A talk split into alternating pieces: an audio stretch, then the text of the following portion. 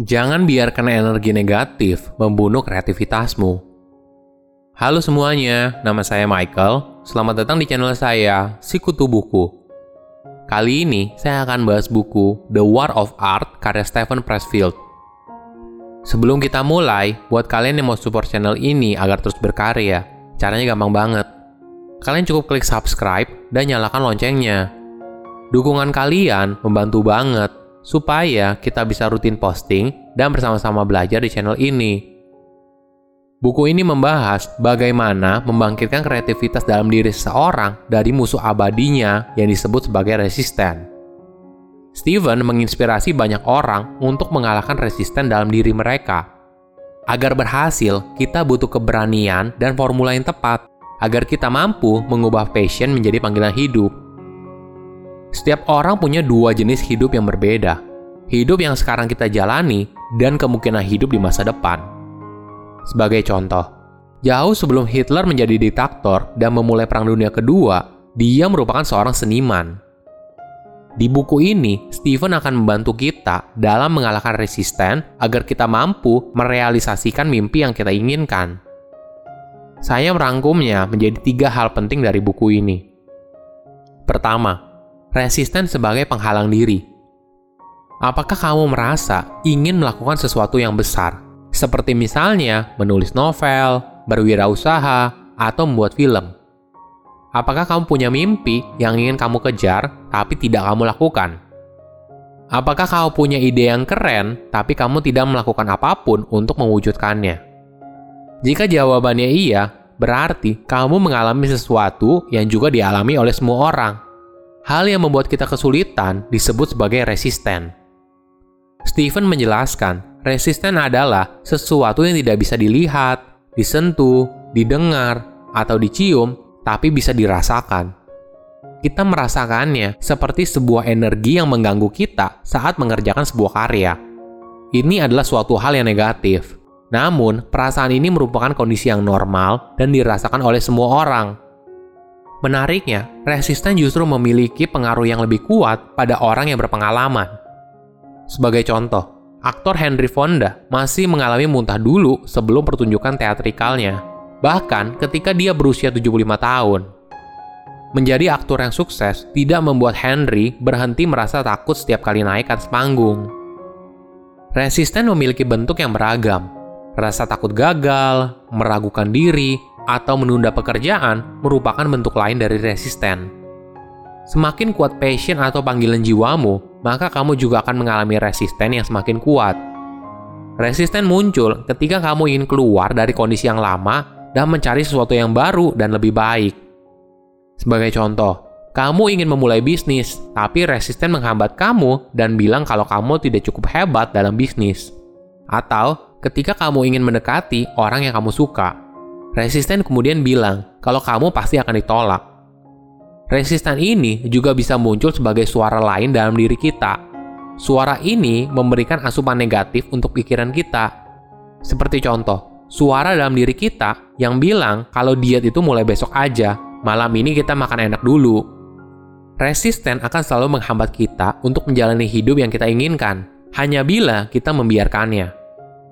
Setiap harinya, batin kita pasti bertarung untuk menjalani hidup seperti apa, hidup apa yang kita pilih. Pilihan ini harus kita buat setiap hari. Apakah kita mau membiarkan resisten menang, atau kita punya kendali untuk menentukan hidup kita seperti apa setiap harinya? Kedua, cara bebas dari resisten. Filsuf Socrates pernah mengatakan sebuah paradoks. Kalau seseorang hanya bebas apabila dia telah menguasai dirinya sendiri, jika tidak, maka dia membiarkan orang lain untuk mengatur hidupnya. Kamu punya kendali atas hidup yang kamu jalani sekarang. Kesal dengan bos kamu, kerjaan gak sesuai passion. Kamu punya pilihan untuk mengubahnya. Kamu bisa memilih untuk melakukan sesuatu saat ini, sekarang juga, bukan besok atau lusa. Lakukan apa pun yang bisa membuat kamu berada pada arah yang tepat. Kamu adalah tuan dari masa depan kamu sendiri Cara terbaik untuk mengalahkan resisten adalah dengan menjadi pro atau menjadi profesional. Konteks profesional di sini bukan sebatas pada profesi, tapi merupakan ahli di bidangnya. Menjadi pro berarti kamu memperlakukan pekerjaan impian kamu sebagai pekerjaan kamu satu-satunya. Cintailah apa yang kamu suka hingga kamu rela mendedikasikan hidup kamu untuk menghasilkan sebuah karya. Sebagai contoh, ada seorang yang pernah bertanya kepada penulis terkenal Somerset Maugham, apakah dia punya jadwal rutin menulis setiap harinya? Somerset menjawab, saya hanya menulis ketika ada inspirasi yang muncul. Untungnya, inspirasi selalu muncul jam 9 setiap pagi.